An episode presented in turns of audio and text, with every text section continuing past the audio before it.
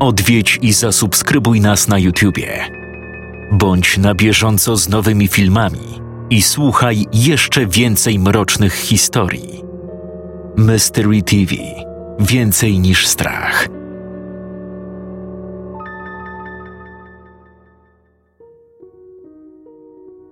Kiedyś byłam piękną, młodą kobietą, pełną miłości i życia. Moja skóra, jasna i delikatna jak lilia, niegdyś była ciepła. Krągły brzuch wypełniało nowe życie, a dłoń ściskała dłoń mojego męża, Edwarda. Edward był dobrym człowiekiem. Pobraliśmy się młodo, pewnej wiosny, gdy powietrze wokół przepełniał zapach kwitnących drzew i ziemi przesiąkniętej rosą. Pamiętam, że uśmiechnął się podnosząc mój welon, jakby zobaczył mnie po raz pierwszy. Miał spokojne, niebieskie oczy. Delikatnie je zmrużył, wyznając mi miłość. Kto pomyślałby wtedy, że ten człowiek stanie się moim przekleństwem? Ten życzliwy, dobroduszny mężczyzna i uczucie do niego, które sprowadziło na mnie wieczną udrękę. Nadeszła zima. Mój brzuch powiększał się wraz z dojrzewającym owocem naszej miłości. Mroźny wiatr skutecznie powstrzymywał mnie przed wyjściem na zewnątrz. Służące zjawiały się na każde skinienie palca. Wiele dni spędziłam szyjąc przy kominku, po cichu, godzinami nucąc wymyślone piosenki. Nagle, pewnego wieczoru, poczułam ból. Ogromny, nie do wytrzymania, jakbym była rozdzierana od środka. Głośno wzywałam służki. Jedna z nich chwyciła mnie za ramię i próbowała zaprowadzić do komnaty. Inna pobiegła po Edwarda. Wpadł gwałtownie, otwierając drzwi na oścież, przestraszony i podekscytowany zarazem. Złapał mnie za drugą rękę i w ten sposób, wyjąca z bólu i dysząca z wysiłku, zostałam powoli poprowadzona po schodach. Kiedy w końcu leżałam bezpieczna we własnym łóżku, przybył lekarz. Szybko przystąpił do pracy. Kazał mi oddychać i przeć, podczas gdy Edward trzymał mnie za rękę. Oboje byliśmy już zlani potem. W pewnym momencie doktor zamarł. Powiedział coś na ucho do akuszerki, a ona wyprowadziła Edwarda z pokoju. Rozzłoszczony protestował, wykrzykując ponad jej ramieniem: Joanna! Jestem z tobą! Uśmiechnęłam się przez spadające na twarz mokre kosmyki włosów i pocieszyłam go, mówiąc: Nie bój się o mnie, Edwardzie, wszystko będzie dobrze. Mój głos, choć pełen bólu, zabrzmiał zadziwiająco spokojnie. Ukochany zdążył jeszcze rzucić w moją stronę desperackie spojrzenie, zanim zatrzaśnięto drzwi komnaty. To był ostatni raz, kiedy prawdziwie widziałam Edwarda. Lekarz powiedział mi, że zbyt mocno krwawie, a on nie jest w stanie nic na to poradzić. Krzyczałam tylko: A dziecko? Czy dziecko przeżyje? Niestety nie pamiętam odpowiedzi. W tamtej chwili zaczęło mnie ogarniać dziwne odrętwienie. Ciągle czułam ból, ale był tępy, stłumiony. Wszystko wokół momentalnie nabierało szarych barw. Widziałam lekarza, który trzymał moje dziecko zawinięte w zakrwawiony koc. Ogłuszało mnie okropne dzwonienie w uszach, więc nie wiedziałam, czy noworodek zapłakał. Moje spojrzenie zaczęła zawężać ciemność, jak gdybym spadała w bezdenną otchłań, aż wreszcie pochłonęła mnie całkowicie. Mimo to wciąż byłam obecna. Nowa ja, oddzielona od ciała, stałam w kącie pokoju. Przez pewien czas dalej słyszałam tylko dzwonienie w uszach, ale wkrótce znów pojawiło się normalne światło. Zobaczyłam, jak lekarz otwiera drzwi i rozmawia z Edwardem. Widziałam, jak mój mąż pada na kolana i krzyczy z bólu. Służące wzdychają, zasłaniając usta dłońmi, a położna z zaczerwienionymi, spuchniętymi oczami kołysze w ramionach moje dziecko. cichutko mrucząc. Zobaczyłam też siebie, wyciągniętą na zakrwawionym łóżku. Oczy wciąż były otwarte. Patrzyły teraz na wprost. Próbowałam dotknąć swojej dłoni, ale moje palce przez nią przeniknęły. Wpatrywałam się dalej, mając nadzieję, że bezwładne ciało w końcu mrugnie i usiądzie. Tymczasem leżało tak dalej, bez życia, uparcie martwe, a ja czułam jak niknę, jakby wszystko się ze mnie wysączyło. Potem, niespodziewanie, uderzyły mnie dźwięki otoczenia i wyrwały ze stanu letargu. Przeraźliwe wycie Edwarda, szlochanie służby i płacz mojego nowonarodzonego dziecka. Podeszłam do położnej. Nie widziała mnie. W jej tęgich ramionach wydawał się taki maleńki. Cały we krwi, ale pełen życia. Jego krzyk to najpiękniejsza rzecz, jaką kiedykolwiek słyszałam. W atmosferze żałoby przyszło nam powitać dar nowego istnienia. Przez dłuższą chwilę Edward nie spojrzał na nasze dziecko. Pozwolił zmienić pościel na łóżku, by ułożyć w nim moje ciało tak, jakbym spała. Położył się przy mnie i obejmował całą noc. Jego łzy spadały na moją zimną, martwą skórę. Wyglądało to tak, jakby chciał mnie ogrzać, przywrócić do życia. Marzyłam, by poczuć jego bliskość, powiedzieć, że wciąż jestem przy nim, ale to nie było możliwe. Leżałam więc po drugiej stronie własnych zwłok, obserwując, jak ukochany śpi i pragnąc z całego serca do niego wrócić. Mogłam jednak tylko patrzeć. W końcu pracownicy domu pogrzebowego zabrali moje ciało. Edward im nie przeszkadzał. Siedział tylko i przyglądał się martwymi, zapadniętymi z rozpaczy oczami. Staliśmy razem przy oknie, patrząc jak wóz odjeżdża sprzed domu. Złapałam go za rękę.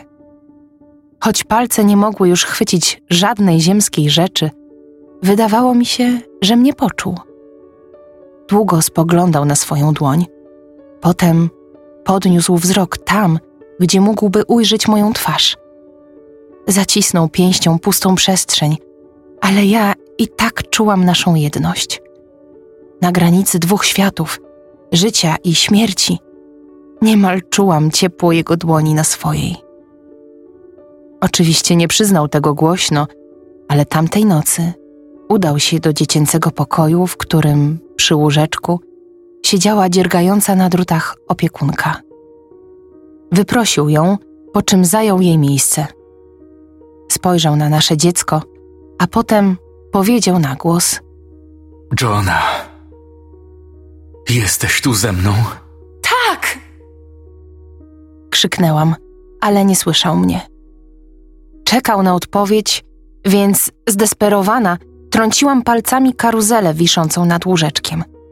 Zaczęła bujać się w tył i do przodu. Edward zauważył ten znak i zorientował się, że to ja. Mały zachichotał na widok ruszających się szydełkowych ptaszków i zaczął wyciągać do nich swoje drobne, pulchne rączki. Edward popatrzył na niego z miłością i ponownie odezwał się. Tak długo, jak zostaniesz przy mnie, moja kochana, będę szczęśliwym człowiekiem. Ale Bóg jeden wie, że mimo to bardzo za tobą tęsknię. On jest wszystkim, co mi po tobie zostało. Mój mały chłopczyk jest dowodem naszej jedności. Jeszcze nie nadałem mu imienia. Po policzkach spłynęły mu łzy, kiedy synek zacisnął swoją małą dłoń na jego palcu. Jonathan. Jonathan, na cześć mojej Joanny. Uśmiechnęłam się i stanęłam obok niego, podczas gdy kołysał maleństwo. Utworzyliśmy w ten sposób widok niczym z bardzo dziwnego portretu rodzinnego. Położyłam dłoni na jego ramieniu i zaczęliśmy śpiewać razem starą kołysankę, którą śpiewały nam nasze matki, kiedy sami byliśmy jeszcze dziećmi. Śpi moje maleństwo, śpi przez całą noc. Słodkie sny sprowadzi mej miłości moc. Serce ci wypełni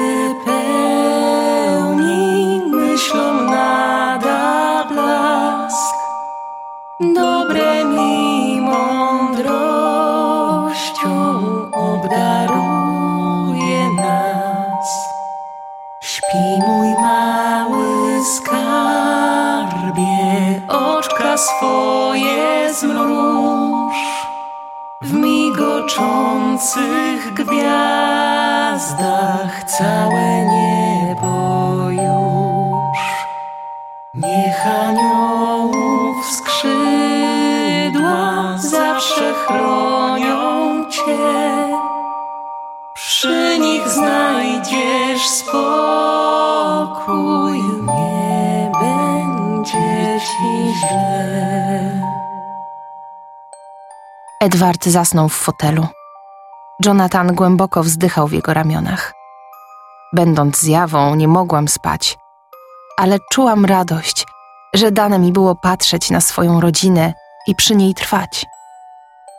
Po trzech latach Jonathan wyrósł na pięknego, małego chłopca. Miał jasne, niebieskie oczy Edwarda i moje delikatne, brązowe włosy. Służba go uwielbiała, a ojciec wprost oszalał na jego punkcie. Gdy bawiliśmy się razem na podłodze, Jonathan zdawał się czuć moją obecność, podobnie jak Edward. Czasem nawet któraś ze służących łapała go na tym, jak do mnie mówił, a potem opowiadała innym. Ale nam to nie przeszkadzało. Tworzyliśmy idealną rodzinę.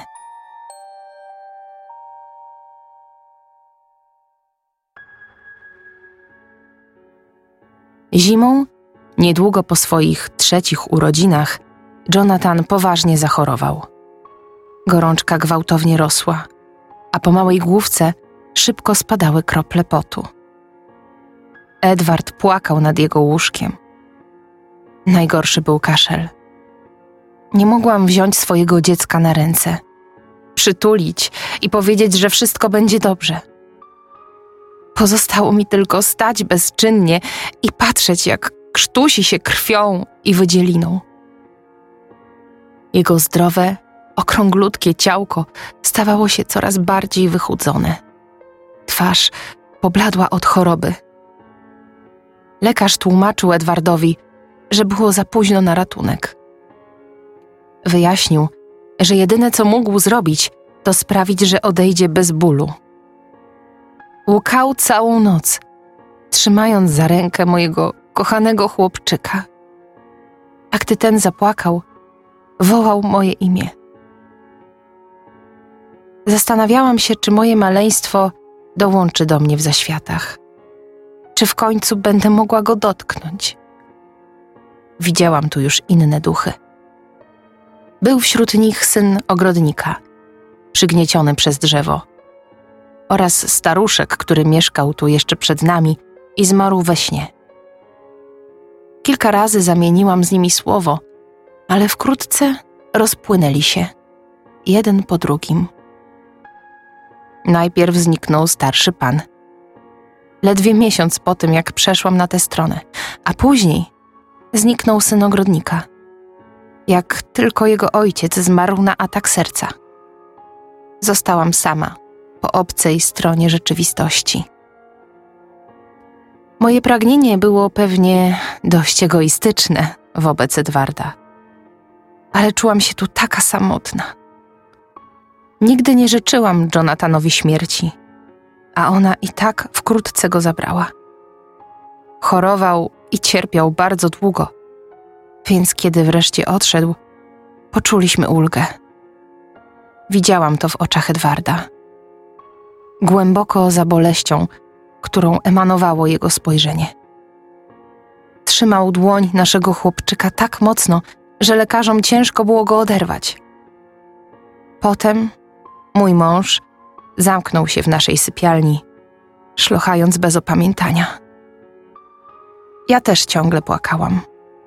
Straciłam jedyne dziecko. Już nigdy miałam nie widzieć, jak bawi się z Edwardem albo wierci się na kolanach opiekunki. Nie dołączył do mnie. Czekałam całymi dniami, ale nigdy się nie pojawił.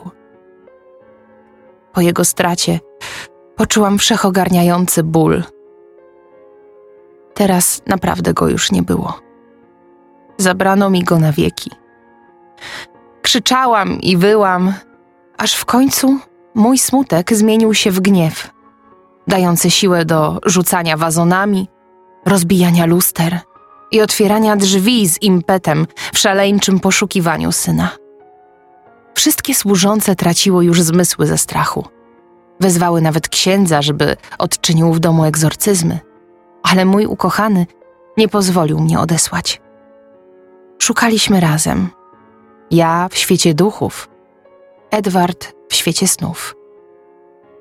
Nadal nie było nawet śladu Jonathana. Edward prawie nie wychodził z pokoju. Cały czas siedział na łóżku i mówił do mnie, nawet kiedy akurat nie byłam przy nim. Chyba miał wtedy wrażenie, że nie jest z tym wszystkim sam. Przynosiło mu to ukojenie. Tymczasem ja naprawdę byłam samotna i bałam się, że tak pozostanie już na zawsze. Przychodziło do niego wielu lekarzy, przyjaciół, a nawet duchownych, z nadzieją, że zdołają go uzdrowić. Powtarzali: Nie można tak rozpamiętywać przeszłości, trzeba ruszyć do przodu. Ale mój Edward zaprzeczał. Próbował rozmawiać z nimi o swoim niepokoju.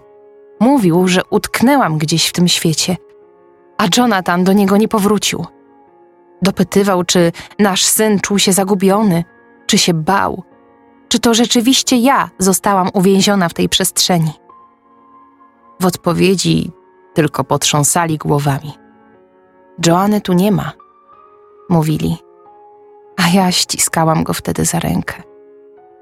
Wraz z narastającą we mnie rozpaczą rosła i moja siła. Po mieście szybko rozeszły się wieści o nawiedzonym domostwie. Służba opowiadała swoim znajomym o ruszających się przedmiotach, drzwiach, które same otwierały się i trzaskały, o świecach, które gasły mimo braku najmniejszego podmuchu wiatru i o moich stłumionych wołaniach niosących się po korytarzach.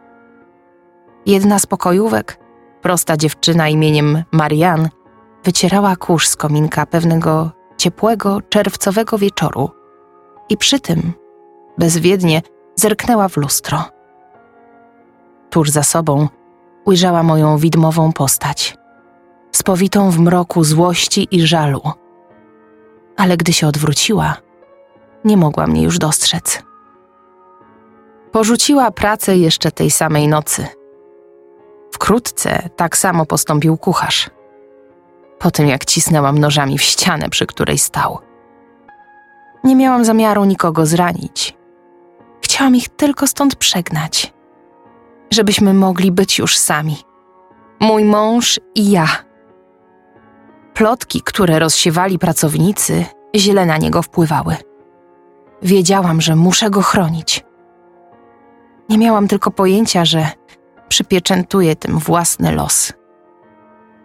Minął rok. Żaden służący w okolicy nie chciał podjąć pracy w nawiedzonym domu. Jonathana ciągle nie było przy mnie – więc Edward i ja siadaliśmy przy kominku i czekaliśmy w ciszy. Bez wścibskiej służby nie miałam już powodu, by wybuchać złością. Chciałam tylko okazywać miłość mężowi. Pełen spokoju, czytał książki, a ja siadałam w swoim fotelu i patrzyłam. Kiedy byliśmy razem, Znów czułam się bezpieczna. Lecz gdy zasypiał, lęk i samotność cofały się gwałtownie jak treść żołądka stająca w przełyku, A wtedy ponownie demolowałam wnętrza i nawoływałam synka. Edward powiesił się w piątą rocznicę mojej śmierci i narodzin Jonathana na żyrandolu w jadalni. Zastanawiam się, czy naprawdę usiłowałam go ocalić, czy też pozwoliłam mu odnaleźć śmierć, by do mnie dołączył. Teraz już dokładnie nie pamiętam. Minęło tyle lat. Nikt nie pracował dla mojego męża przez tak długi czas, że jego gnijące ciało odnaleziono dopiero po wielu dniach. Nasza historia stała się legendą. Dużo rodzin wprowadzało się po śmierci Edwarda, ale żadna nie została na długo. Wszyscy odeszli w pośpiechu, twierdząc, że byli świadkami przerażających zjawisk. Podobno słyszeli krzyki i płacz, widzieli wyłaniające się z cienia tajemnicze postacie. Zostałam uwięziona w tym budynku. Dopóki opowieści o mnie wciąż żyją, ja będę żyć wraz z nimi. Być może Edward i Jonathan też zostali tu zamknięci. Wiele osób skarżyło się na incydenty, których źródłem nie byłam ja. Mówili o dziecięcym śmiechu, o mężczyźnie nucącym cicho jakąś melodię. Możliwe, że byli tu ze mną, ale wciąż nieosiągalni. Lub rodziny wyolbrzymiały tylko swoje opowieści. W każdym razie doprowadzało mnie to do wściekłości. Przemierzam ten dom już od setek lat, próbując odnaleźć swoją rodzinę, ale nigdy więcej ich już nie spotkałam. Tak jak kiedyś, od czasu do czasu widuję inne duchy. Spotkałam małą dziewczynkę, potrąconą przez powóz, i żonę, która została pobita na śmierć przez własnego męża. Widziałam żylaste oparzenia na zjawie piekarza, który zginął w pożarze. Słyszałam płacz dzieci, utraconych jeszcze zanim nauczyły się mówić. Niektórzy z nich odchodzili stąd dużo szybciej niż inni. Następowało to wtedy, gdy ludzie o nich zapominali. Pobita żona zniknęła w dniu, w którym umarła jej siostra, a mąż znalazł sobie nową ofiarę. Piekarz opuścił zaświaty wraz ze śmiercią swojej żony, a małe dzieci zaraz po tym, gdy ich matki rodziły kolejnych synów i córki. Jednak o widmie kobiety mieszkającej w nawiedzonym majątku ludzie nie zapomnieli. Moja historia była przekazywana z pokolenia na pokolenie, a dom stał się atrakcją turystyczną. Czasami nastolatki włamywały się do posiadłości przez kwatery dla służby i robiły zakłady o to, kto wytrzyma całą noc. Bezdomni często szukali w tych murach schronienia od wiatru i deszczu. Te opowieści to one mnie tu uwięziły. Szybko zorientowałam się, że w swej ogromnej desperacji, szukając męża i syna, stałam się częścią strasznej historii. Ludzie zawsze będą o mnie pamiętać. O matce, która utraciła siebie i dziecko, a potem doprowadziła męża do samobójstwa. Inne duchy pozostawały tu tak długo, dopóki ktoś je opłakiwał. Ale żal po mnie skończył się wraz z życiem Edwarda. Nikt nade mną nie ubolewa, ale echo mojego życia wciąż odbija się od tych ścian. Tak więc włóczymy się po dawnym domu, razem, a jednak osobno. Być może jeszcze przez wieczność, szukając Jonathana i siebie nawzajem. Jestem już zmęczona tym bezcelowym wysiłkiem. Nie mogę jednak przestać istnieć, póki inni skazują mnie na przekleństwo pamięci. Niewykluczone, że Jonathan i Edward odeszli stąd już dalej. I tylko ja utknęłam w tej marnej imitacji życia. Prawdopodobnie nigdy się tego nie dowiem. Pragnę jedynie spocząć w spokoju u boku bliskich. Ale wy dalej mnie tu trzymacie, niczym zwierzę w jakimś osobliwym zoo. I tak oto płaczę, skazana na wieczną samotność, błagając was, zapomnijcie o mnie. Śpi moje maleństwo, śpi przez całą noc. Słodkie sny sprowadzi mej miłości moc. Serce ci wypełni myślą Dobre mi mądrością obdaruje nas. Śpi mój mały skarbie, oczka swoje zmruż. W migoczących gwiazdach całe niebo już. Niech aniołów chronią Cię. Przy nich znajdziesz spokój, nie będzie Ci źle.